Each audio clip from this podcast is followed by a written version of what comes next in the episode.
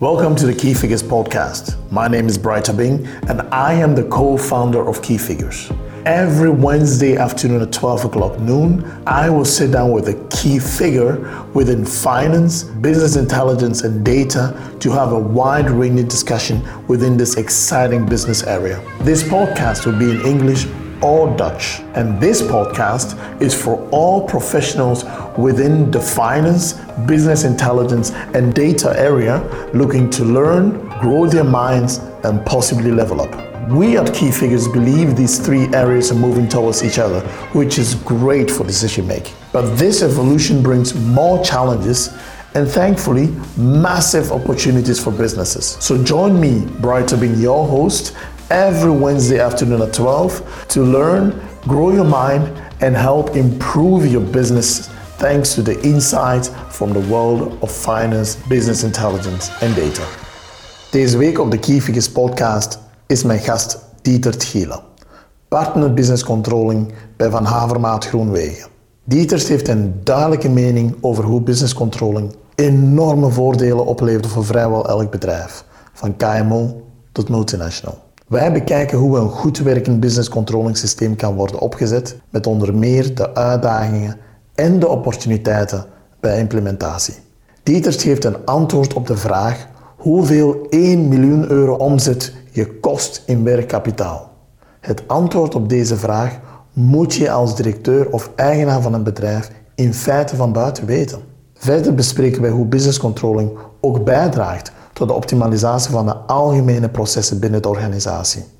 Laat het duidelijk zijn, controlling zorgt voor meer focus van het management op de juiste kerncijfers om het bedrijf goed te leiden. Je moet zeker luisteren om te begrijpen waarom elke controllingopdracht begint met een rondleiding binnen het bedrijf, naast de analyse van de cijfers. Wij zoomen in op data en waarom data het nieuw goud is, zelfs voor een KMO. Deze podcast is voor elk eigenaar, van de directeur van een KMO tot een multinational. En zeker voor de business controlling professionals. Het was een leuk gesprek met een topper in zijn vak.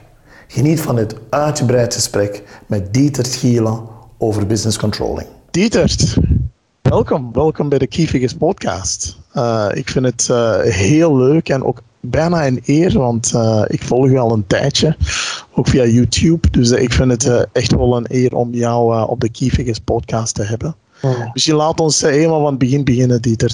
misschien jezelf eens voorstellen aan de mensen die je misschien niet goed kennen. Mm -hmm. Uh, ik ben dus Dieter Gielen, ik ben uh, 41 jaar, ben de laatste zes jaar te werk gesteld uh, bij Van Avermaat. Ik heb uh, heel lang geleden uh, aan het LUC, nog uh, in Hasselt, nu de U Hasselt, toegepaste economische wetenschappen gedaan. Zoals zoveel ben ik dan via de audit bij een klant terechtgekomen. Hè. Ik vertel het even op een drafje. Ehm, om dan daar eigenlijk uh, de kriebels gekregen te hebben om, uh, om zelfstandige te worden. Hè. Altijd eigenlijk al een, een beetje ondernemend ingesteld geweest en, uh, en vandaar dan de sprong gewaagd, waarna we met vier mensen Connessence hebben opgericht. Um, om dan eigenlijk een paar jaar later bij Van Avermaat in 2015 de afdeling Business Controlling op te richten. En die vraag is gekomen vanuit Van Avermaat, omdat we een strategische beslissing genomen hadden. dat was dus voor, voor mijn tijd, uh, waar we zeggen van kijk, wij willen eigenlijk van een verwerker van informatie. Hè. Men komt binnen in onze accountancy afdeling met zijn schoendoos, hè. Heel, uh, heel klassiek. En uh, wij boeken de documenten, dus wij verwerken ze. Willen we eigenlijk gaan naar het voorspellen van informatie, waarbij we dus eigenlijk het verleden gebruiken om de toekomst beter te gaan voorspellen. En daarbij, heel cruciaal, is dat IT daarbij niet enkel meer ondersteunend is. Hè. We hebben een computer nodig om te kunnen boeken, maar dat dat onderscheidend wordt waarbij we dus software eh, gaan hebben die uh, op die manier uh, ervoor gaat zorgen dat we sneller, performanter kunnen boeken. Ja, ja, heel en de gegevens kunnen verwerken eigenlijk. Ja, heel duidelijk, Dieter. Als ex-business controller ja, klinkt dit als muziek in mijn oren, moet ik eerlijk in zijn. Dieter, wat betekent controlling voor jou? Controlling betekent voor mij, en dan praat ik vooral over business controlling en niet enkel financial controlling, is dat je eigenlijk de business moet bijstaan om van de data die er her en der is, daar nuttige informatie van te maken, inzichten te creëren, waardoor de business management of strategische beslissingen kan nemen. Dus voor mij is die controlling echt wel een middel en geen doel op zich om de business, zowel sales, aankoop, uh, voorraad, procurement, whatever, uh, te kunnen dienen. Ja. Dat is eigenlijk voor mij controle. Ja, de betekenis van controlling is heel duidelijk. Maar u en ik, ik weet uiteraard uh, wat het verschil is tussen financial controlling en business controlling. Maar kan je daar nog eens ja, toelichten waar de, waar de verschillen liggen? Ja. Uh, financial controlling is echt uh, zorgen dat uw financial statements, de cijfers, de jaarrekeningen, komende van de boekhouding, dat die eigenlijk accuraat geboekt zijn, dat uh, de periode tussen inkomsten en kosten matchen, um, dat je eigenlijk een financieel inzicht geeft, enkel financieel gestuurd. Ja. ja. dus dat is echt de financial statements, echt wel dat uw ledgers kloppen. Uh, dat heeft niks te maken met hoe dat de cijfers tot in de ledgers komen, hè, tot in de jaarrekening, tot in de boekhouding komen. Want dat is nu net het business controlling verhaal. Dus als er 100 in uw detail van uw uh, rekening staat en op het einde is dat ook 100 in uw overzicht, dan heb je financial controlling gewijs het juiste gedaan. Business controlling is vooral kijken op basis van het budget, op basis van de business, klopt die 100 wel? Ja. Ja, dus dat is eigenlijk de, de link tussen uw cijfers en alle processen die de, vandaag de dag uh, de cijfers maken. Dat kan aankoop zijn, dat kan verkoop zijn. Uh, eigenlijk al die bouwsteentjes samen, of al die processen samen, die komen tot uw financiële gegevens. Alles wat daarmee te maken heeft, is business controlling. En dat heeft niet alleen te maken met financials, dat zijn ook operationele KPI's, operationele parameters. Hè. Dat kan zijn uh, machinetijden, dat kan zijn uh, stilstand, uitval. Noem maar op, alles wat met, met uh, performantie van personeel te maken heeft, uh, absenteïsme, ziekte, uh, bijvoorbeeld verbruik van vrachtwagens, um, alles wat te maken heeft met efficiënt uh, rijden in, in, in transport bijvoorbeeld. als ik in de diensten kijk, is naar uw facturatiegraad van uw mensen bijvoorbeeld. Ja. Dat heeft en, en wat, wat voor mij key is, is om die business controlling, al die operationele KPI's, net te linken en te vertalen naar de impact op het financiële. Ja. En uh, dat is wat ik, wat ik heel weinig zie en uh, waar ik me sterk maak, dat wij toch ook uh, daar wel altijd in slagen. Heel duidelijk, ja. Nu, je, je, je, maakt de verwijzing uiteraard. Binnen Van Havermaat ben je natuurlijk uh, enorm met jouw team bezig met het aanbieden van controlling en reporting. En ik noem dat het stuk cockpit uh, verhaal om, om, om een organisatie op een goede manier te kunnen aan te sturen. Voor welk type organisatie is dit eigenlijk interessant. Want uh, ik ga ervan uit, je weet dat België echt wel een KMO-land is. Mm -hmm. uh, er, zijn, er zijn toch, eh, denk ik, uh, eigenaars of, of, of, of CEO's die, die denken, ja, we hebben een, een goede administratie, het biedt ons informatie, maar misschien weten ze niet wat controlling voor hen zou kunnen betekenen. Ja, dat is waar. Ik, ik denk dat controlling voor elke onderneming nuttig kan zijn. Mm -hmm op ieders niveau. Ik bedoel, uh, het, het, niveau van controlling van een, een, een, bakker en een slager zal anders zijn dan van een uh, bedrijf dat uh, eh, 250 mensen in dienst heeft en dat 50 miljoen euro omzet draait. Zeg maar wat. Dus um, ik ben er zeker van dat het voor elk bedrijf nuttig is, zolang het op maat van dat bedrijf geschreven is en ook uitgelegd wordt. Want uh, daar schort het nogal meestal is. Ik bedoel, en dat is ook mijn, mijn motto altijd: van als je het niet simpel genoeg kan uitleggen, dan begrijp je het zelf niet. Dus uh, een zeer nobele heer Einstein heeft dat als eerste keer gebruikt. Dus uh, en alles wat die meneer zei, dat is juist. Dus vandaar dat ik daar wel, wel in geloof. En het mag ook geen belasting zijn voor die organisatie. Je moet je controlling zo gaan opzetten dat je in een heel performante manier werkt en dat het niet vertragend werkt op de business, op de processen en dat het alleen aanvullend is en, en verrijkend is.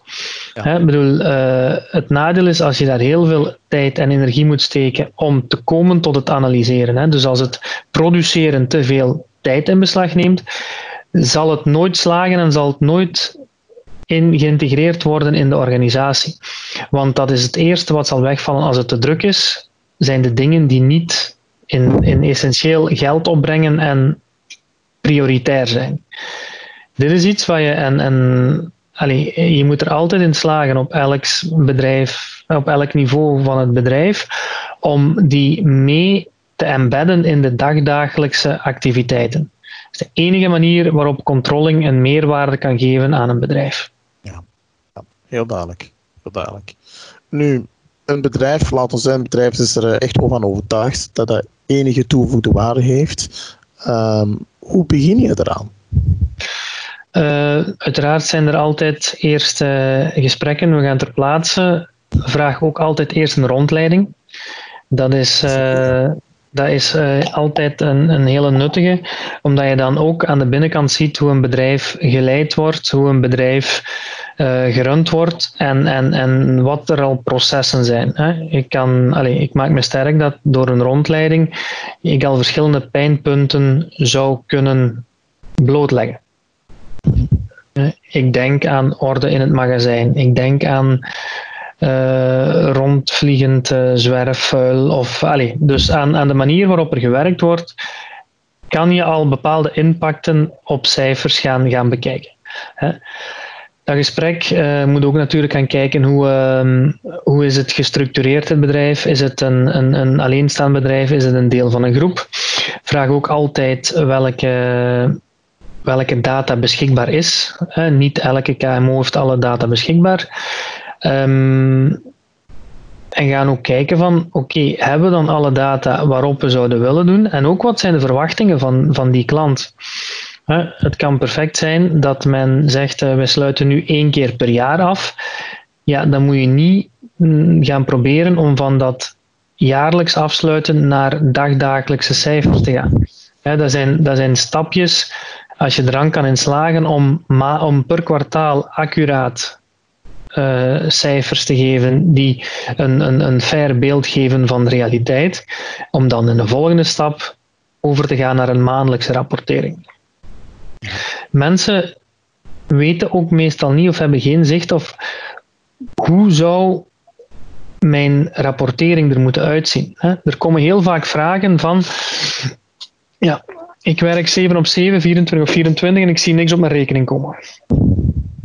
We hebben zoveel winst, maar mijn rekening gaat niet omhoog. Wij doen vier businesses, we zien dat het een beetje slechter gaat welke van de vier, waar ligt dat? Ik zou nu willen gaan vooruitkijken, want de tweede generatie komt eraan. Of ik heb geen opvolging en wil binnen drie jaar gaan verkopen. Hoe maak ik mijn bedrijf verkoopsklaar? En dan ga je heel vaak zien dat je op het moment dat je gaat de rapportering in kaart brengen en de eerste resultaten naar boven halen, dat er ook vaak tekortkomingen in de processen naar boven komen. Je kan wel je, de juiste cijfers, en onder juist wil ik dan zeggen degene die aansluiten met boekhouding of operationele systemen, zichtbaar maken uh, in, in visuals en in trendlijnen. Het eerste wat de ondernemer zal zeggen is: dit klopt niet.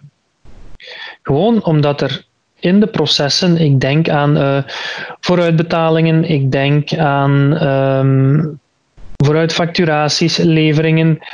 Uh, deelbetalingen die, die eigenlijk verkeerd geadministreerd, hè, van in heel het begin van het proces. Hè, ja. um, waardoor uw marge per product niet van het begin klopt, waardoor uw uh, orderportefeuille per klant niet klopt, waardoor je dus niet gaat kijken of je het budget zal halen. Dus uh, ook een budget maken. Hè. Ja. Als er al een budget is, is dat, dat de eigenaar, hè, want als je gaat kijken bij Van Avermaat, uh, het hele grote overdeel van onze klanten zijn KMO's. We hebben dus weinig multinationals. Dus we zitten altijd met de eigenaar aan tafel. De multinationals die we in ons klantenportefeuille hebben, zijn degenen die een beslissingsbevoegdheid hebben in België. Ja. Dus waar eigenlijk headquarters in België zit. Ja. Omdat we altijd met de eigenaar aan tafel willen zitten en dat we dadelijk vanaf dag één meerwaarde willen creëren. Duidelijk. Dus uh, als je dan naar dat, om even terug te komen op dat proces uh, van het budgetteren, ja, dat is heel duidelijk dat dat meestal is, het wordt van boven naar beneden, top-down, gezegd van dit gaan we doen. Als je dat proces omdraait, dan zie je dat, dat er heel wat afdelingen uh, kraken en, en barsten en, en dat men dat niet gewend is om eigenlijk te gaan zeggen van dit gaan wij doen volgend jaar. En dat het dan te lang duurt en dat men aan het budgetproces van het jaar begint de derde maand van het jaar zelf, bijvoorbeeld. Dus, uh, dus buiten het datacrunchen hè, is voor mij controlling nog veel meer het beheren en optimaliseren van die processen. Waardoor het datacrunchen en waardoor het visualiseren en inzichtelijk maken van uw, uw data makkelijker wordt. En accurater is en juister is. Ja. Dat is eigenlijk de manier hoe we dat aanpakken. Wat we ook altijd doen, is dat je, alles is klaar, de, de rapportering of de, de processen zijn geïmplementeerd, dat we zeggen, kijk, de komende zes maanden gaan wij telkens maandelijks mee de opvolging meeting bijwonen, hè, de cijfers bespreken, omdat dat proces nog moet ingeslepen worden in de organisatie. Dus heel het change management eigenlijk. Ja, ja. Wat je heel vaak ziet is dat je, je levert op.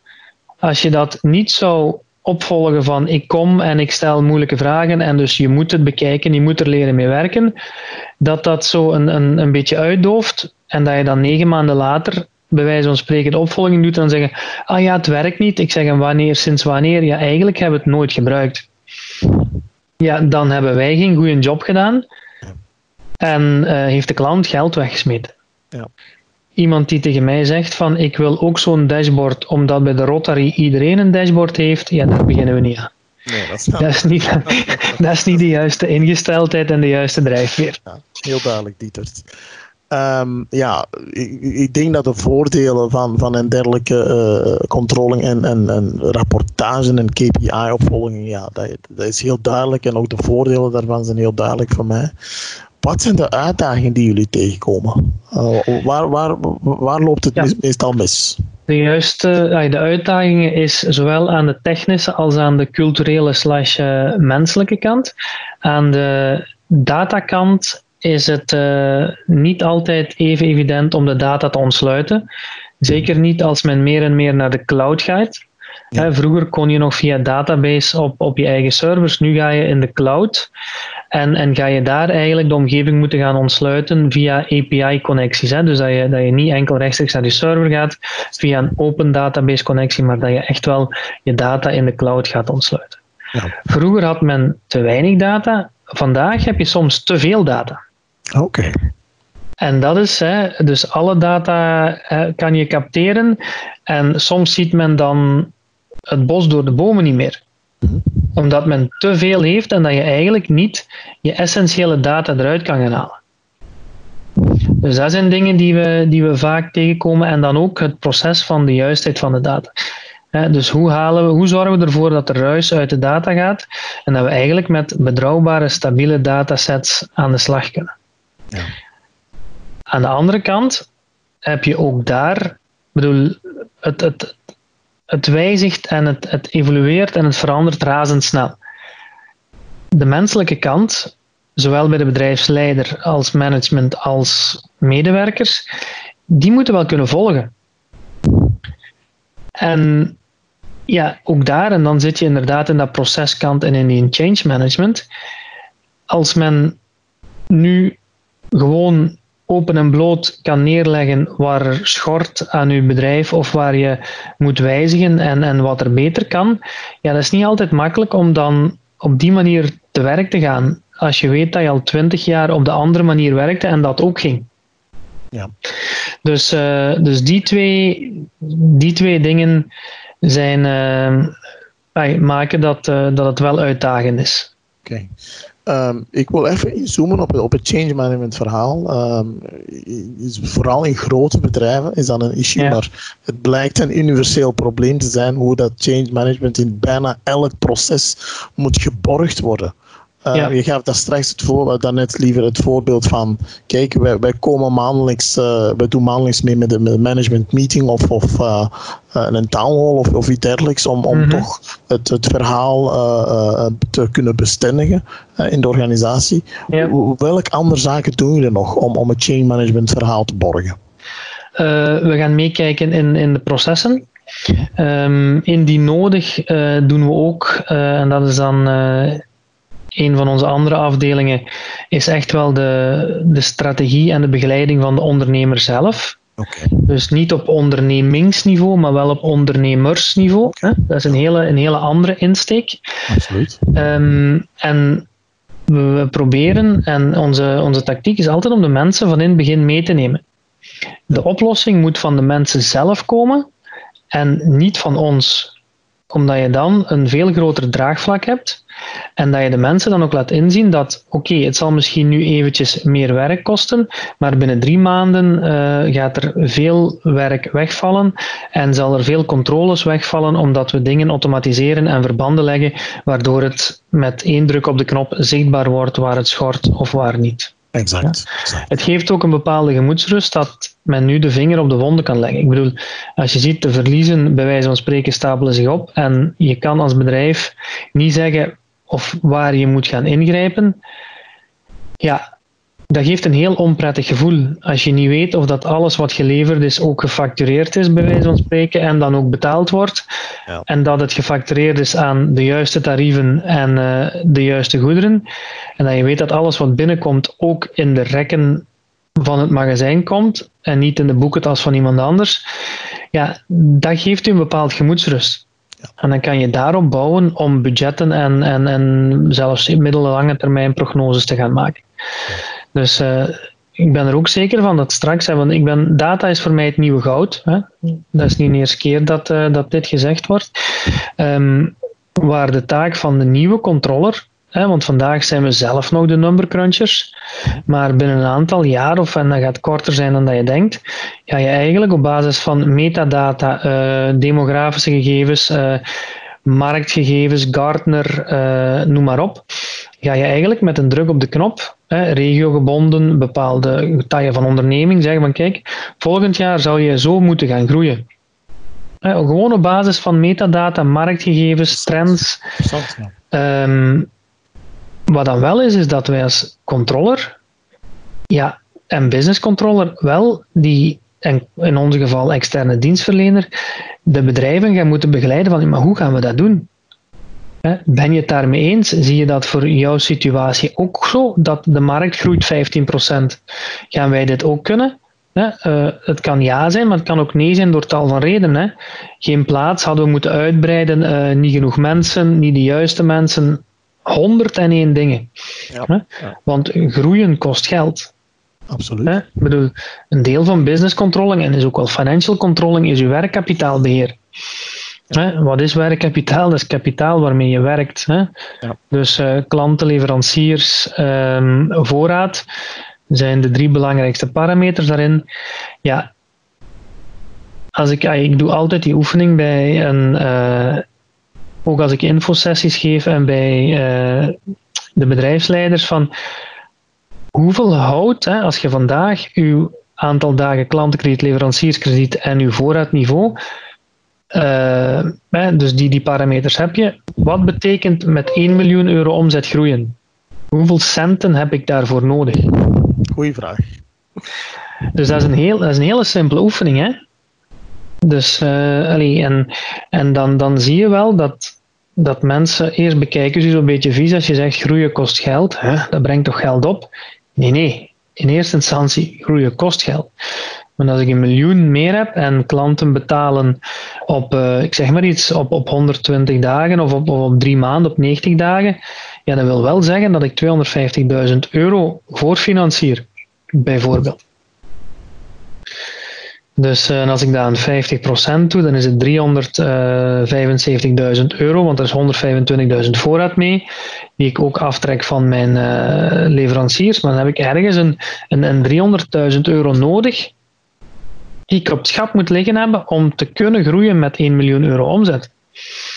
Ik noem nu maar wat cijfers heel snel geteld. Hè? Ja, ja nee, nee, maar ik vind, ik vind het een heel goede vraag. En in feite, een, een scherpe uh, managing director zou eigenlijk uh, die, die, die vuistregels uh, in de vingers moeten ja. hebben. En ook de kost van dat werkkapitaal wordt, wordt niet altijd meegenomen, of bijna zelden of nooit meegenomen, in uw kostprijsberekening. Als er al een kostprijsberekening is, gaan bedrijven zeggen: wat kost mijn en al dan niet heel in detail, wat kost mijn product? Dat is uh, hoe ik het aankoop, uh, mijn magazijnkosten en mijn mensen. Die het, ja, men vergeet dan dikwijls ook nog dat het getransporteerd moet worden, dat het lange tijd opgeslagen moet worden, dat wij 90 dagen op ons centen moeten wachten, dat we daar een straight loan voor hebben en zo verder enzovoort. Ja. Dus die kost wordt dan zelfs niet meegenomen. Hè? Want uiteraard, kostprijsberekening is ook een vraag die heel vaak terugkomt bij ons. Hè? Ja, logisch, logisch. Je verwees, uh, Dieter, je verwees dan net naar dat uh, data nieuw geld is. Uh, ja. dat, dat, dat is heel duidelijk. Um, hoe zie je eigenlijk de impact van data en business intelligence, BI, op, op het verhaal van controlling voor jullie als externe ja. leverancier van, van controllingdiensten eigenlijk? Ja aangezien de wereld en, en de markt zo snel evolueert, um, droom ik van een real-time administration. Niet alleen accounting, hè, dus administration. Dat wil zeggen dat er en, ik, en daar kan je, kan je heel ver in gaan. Hè. Als ik nu even, als, als je mag freewheelen, dat je zegt, Ach. kijk, de markt uh, verandert met 20%, um, stijgt met 20% of groeit met 20%. Um, als wij dat ook doen, dan moeten wij zoveel meer in voorraad houden als wij de markt volgen. Dat wil dus zeggen dat automatisch uh, bij leveranciers uh, op basis van bestelhoeveelheden van het verleden en orders die al in de pipeline zitten, stok gereserveerd wordt of voorraad gereserveerd wordt, al dan niet besteld, uh, dat men automatisch de melding krijgt van mannen, we moeten kortere levertijden hebben, anders halen we het niet. Um, dat je kan gaan zeggen, kijk, op basis van uw gemiddeld energieverbruik uh, zou je van leverancier moeten veranderen.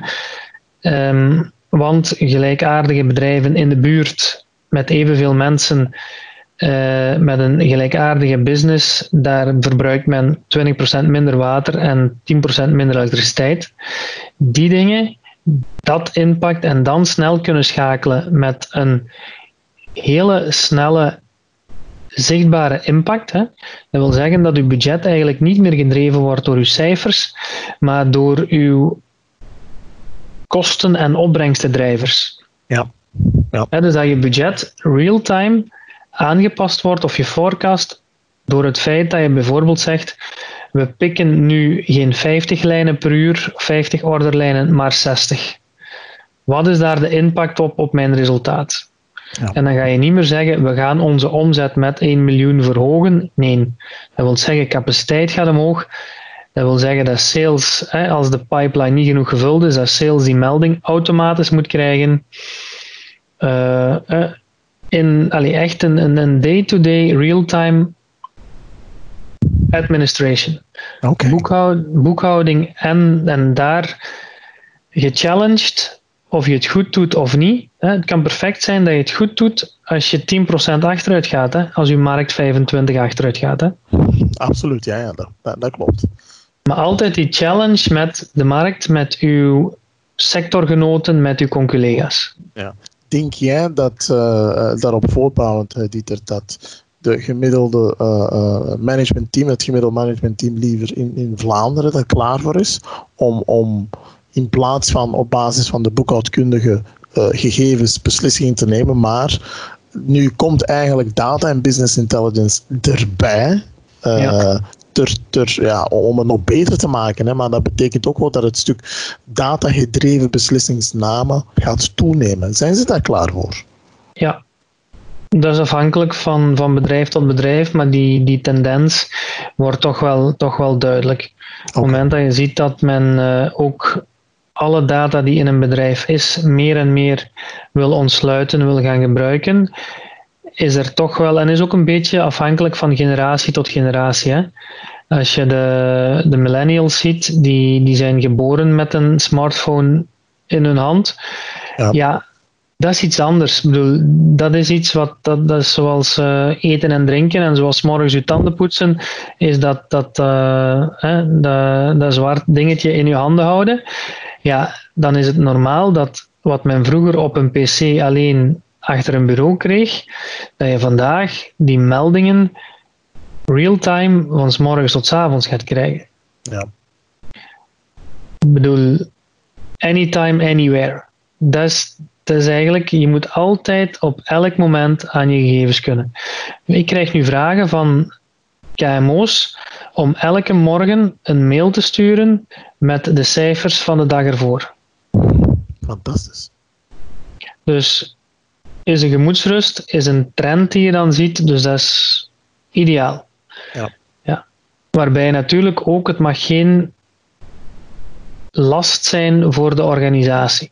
Het moet alleen een lust zijn, zal ik maar zeggen, geen last dat men er iets mee kan doen. Ik bedoel, je moet niet want 200 rapporten hebben als ze niet bekeken worden.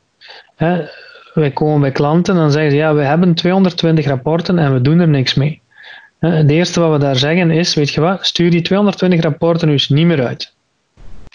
Diegene waarbij je binnen de 48 uur de vraag krijgt van waar blijft mijn rapport, dat zijn degenen die we overhouden. Vaak zie je dat je dan met 5 tot 10 rapporten wel, uh, wel toekomt.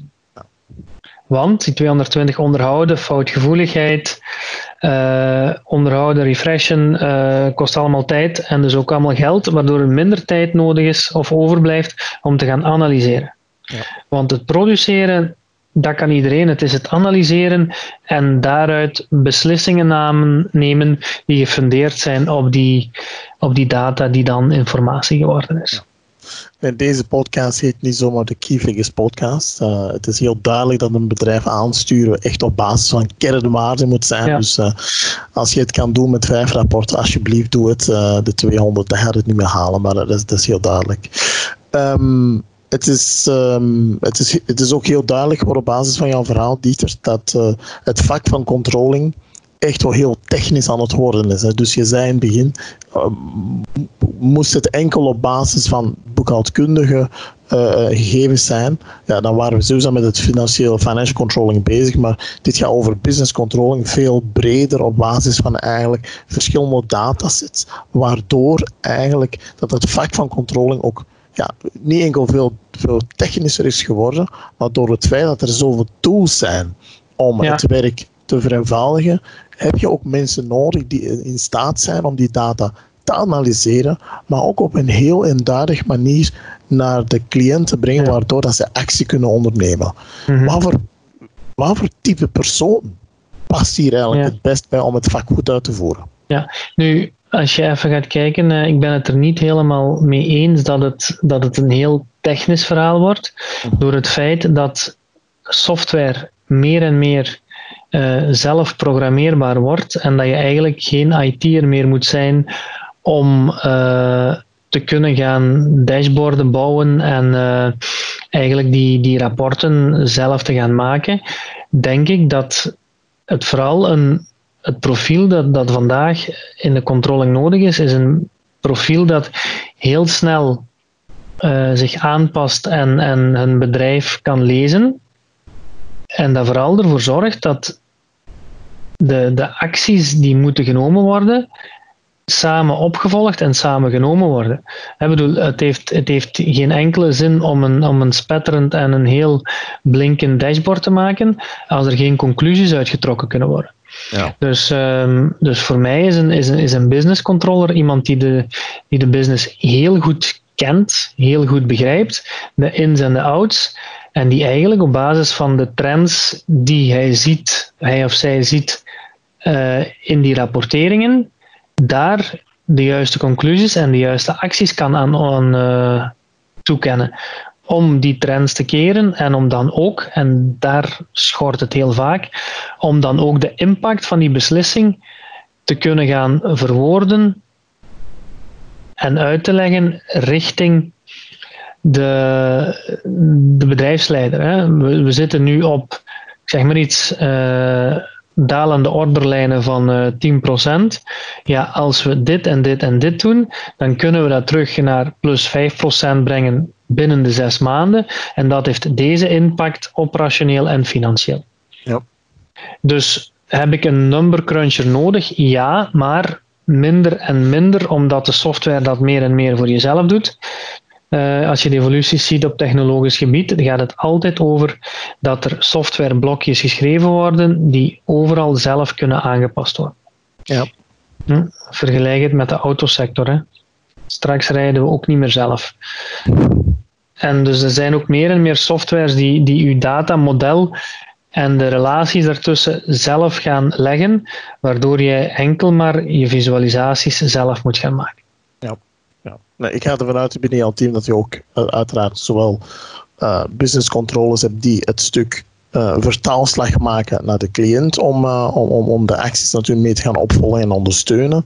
Maar dat je anderzijds misschien ook half IT'ers hebt die uiteraard economisch en financieel sterk onderlegd zijn om samen eigenlijk uh, het verhaal ja. op een goede manier aan te sturen. Ja, en, een, wow. business, ja, een business controller moet van mij nog altijd, uh, moet voor mij nog altijd de ins en de outs van een boekhouding weten. Ja. Ik bedoel, het begint altijd, de Bijbel is nog altijd uw boekhouding, hè? Helemaal juist. Dat is, uh, en, en bedoel, dat moet aansluiten en dat is het, het, eind, het eindstation van uw hele operatie, van uw heel bedrijf en dat is uw boekhouding. Ja. En daarom is het nu net zo foutgevoelig en zo donders moeilijk om die boekhouding helemaal juist te hebben, uw voorraad, alles wat ermee te maken heeft, omdat er zoveel stapjes voorgaan die kunnen mislopen allemaal. Ja. Dus, uh, maar een goede accounting-achtergrond is nog altijd uh, de basis van een goede business controller. Ja, ja, in mijn ogen is de controller van vandaag is voor mij de accountant van morgen. Oké. Okay. Dus, uh, dat is een goeie. Kan je dat nader verklaren? Want, uh... Omdat men vroeger um, was een accountant die ging zijn jaarrekening bespreken. Hè? Het verleden, daar zijn we al lang aan door. Uh, als je vandaag kijkt bij ons, onze accountants gebruiken onze eigen software IntelliFin. Dus wat hebben we daar gedaan? We hebben daar een, uh, samen met nog een andere partij, hebben we eigenlijk een koppeling gemaakt naar de database van de Nationale Bank van België. Waarbij we dus elke nacht alle neergelegde jaarrekeningen binnentrekken. Uh, waarbij we elk veld eigenlijk in database gooien en daar hebben we een financiële rapportering mee gemaakt. Daaraan, daaraan gekoppeld kan je sectoren maken, uh, twee aan twee vergelijkingen maken tussen twee bedrijven. Maar je kan daar ook in gaan budgetteren. Je kan daar ook in uh, gaan, uh, gaan vergelijken met je markt. Dat wil dus zeggen, idem dito waardeindicatie die je daarmee kan doen. Dus wat doen vandaag onze accountants? Die gaan aan de hand van die software de cijfers bij de klant bespreken en gaan dan ook in de sector gaan kijken, gaan ook van wat als we dit en dit hadden gedaan, wat was dan de impact geweest? Dus die gaan eigenlijk gaan simuleren en gaan niet alleen meer de jaarrekening gaan bespreken. Want dat is voorbij, daar kunnen we niks meer aan doen. Maar we gaan wel die jaarrekening gebruiken om dan te kijken waar we volgend jaar gaan eindigen. Vandaar dat ik zeg dat de accountant van straks, niet van morgen, van deze namiddag zal ik zeggen, uh, eigenlijk de controller van nu is. Ja. Terwijl de business controller nog verder gaat gaan en ook het, ja, het, het, het menselijke stuk, het, het psychologische deel van ja, maar hoe gaan we het dan doen, het procesmatige, meer zal gaan moeten gaan beheersen. Ja, helder. helder. Waar het vroeger alleen een number cruncher was. Ja. Dietert, ik vond het heel interessant. Uh, ik zou eigenlijk graag willen eindigen met uh, nog twee vragen. Wat is jouw personal quote? Uh, wat, wat, is de quote waarmee dat je ja, al 41 jaar bij wijze van spreken. ik heb hem net, ik heb hem net eigenlijk ook al gezegd van is als je als je iets niet simpel kan uitleggen, dan snap je het zelf niet. En dat is eigenlijk voor mij, en dat is op gebied professioneel, maar ook privé. Als je de dingen niet op een juiste, gewoon ad hoc, to the point manier uitlegt, die duidelijk is dat er geen enkele spatie is voor interpretatie, bij wijze van spreken, dan, uh, ja, dan vermijd je heel veel problemen en, en heel veel misverstanden. Ja. Zowel zakelijk als privé. Oké, dat is een goeie. Een goeie, dankjewel. Um, waar ben je enthousiast over de komende maanden uh, bij, jullie? Um, ik ben ook de voorbije maanden, al als je ziet hoe flexibel onze mensen zich opstellen door de crisis, uh, dan kijk ik heel hard uit naar uh, uiteraard de periode na de crisis, maar naar de, de, hoe, hoe, we flexibel kunnen omgaan met, met de anderen. Hè. Dit was een hele mooie test, een hele goede test, om te kijken hoe flexibel uw organisatie is. En ik kijk uit om op dezelfde manier de komende. Uh, ja, crisissen is een groot woord, maar uitdagingen uh, op te pakken en, en uh, om te draaien in een opportuniteit. Hè. Ik zeg altijd, er zijn geen problemen, alleen maar uitdagingen. Dus, uh, dus op, op, die manier uh, kijk ik er heel erg naar uit om, om samen met de meer dan 200 mensen uh, er een groot succes van te maken. Fantastisch. Dietert, uh, dankjewel. Uh, ik, vond het bijzonder leerrijk en nogmaals bedankt om tijd hiervoor te willen maken. dat we een paar zaken kunt mogen opsteken, zelfs als ex-business controller. Dus, Zie je aan. dankjewel hiervoor. En voor onze luisteraars, ja. Het was een, weer een heel interessante aflevering. En ja, we horen elkaar zeker en vast volgende week woensdag opnieuw.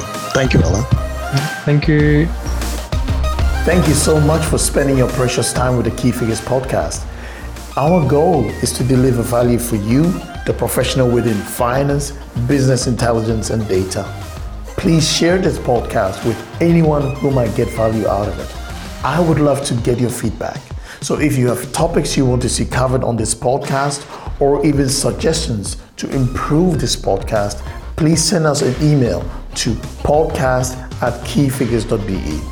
We read and respond to every email we get. That is a promise. Please also take just one minute to give this podcast a five star rating if you believe we are delivering value. This will help us reach more professionals looking for great content to grow their mind. You will also find all the show notes at www.keyfigures.be. Thanks again for listening and see you next week, Wednesday at noon. Bye bye.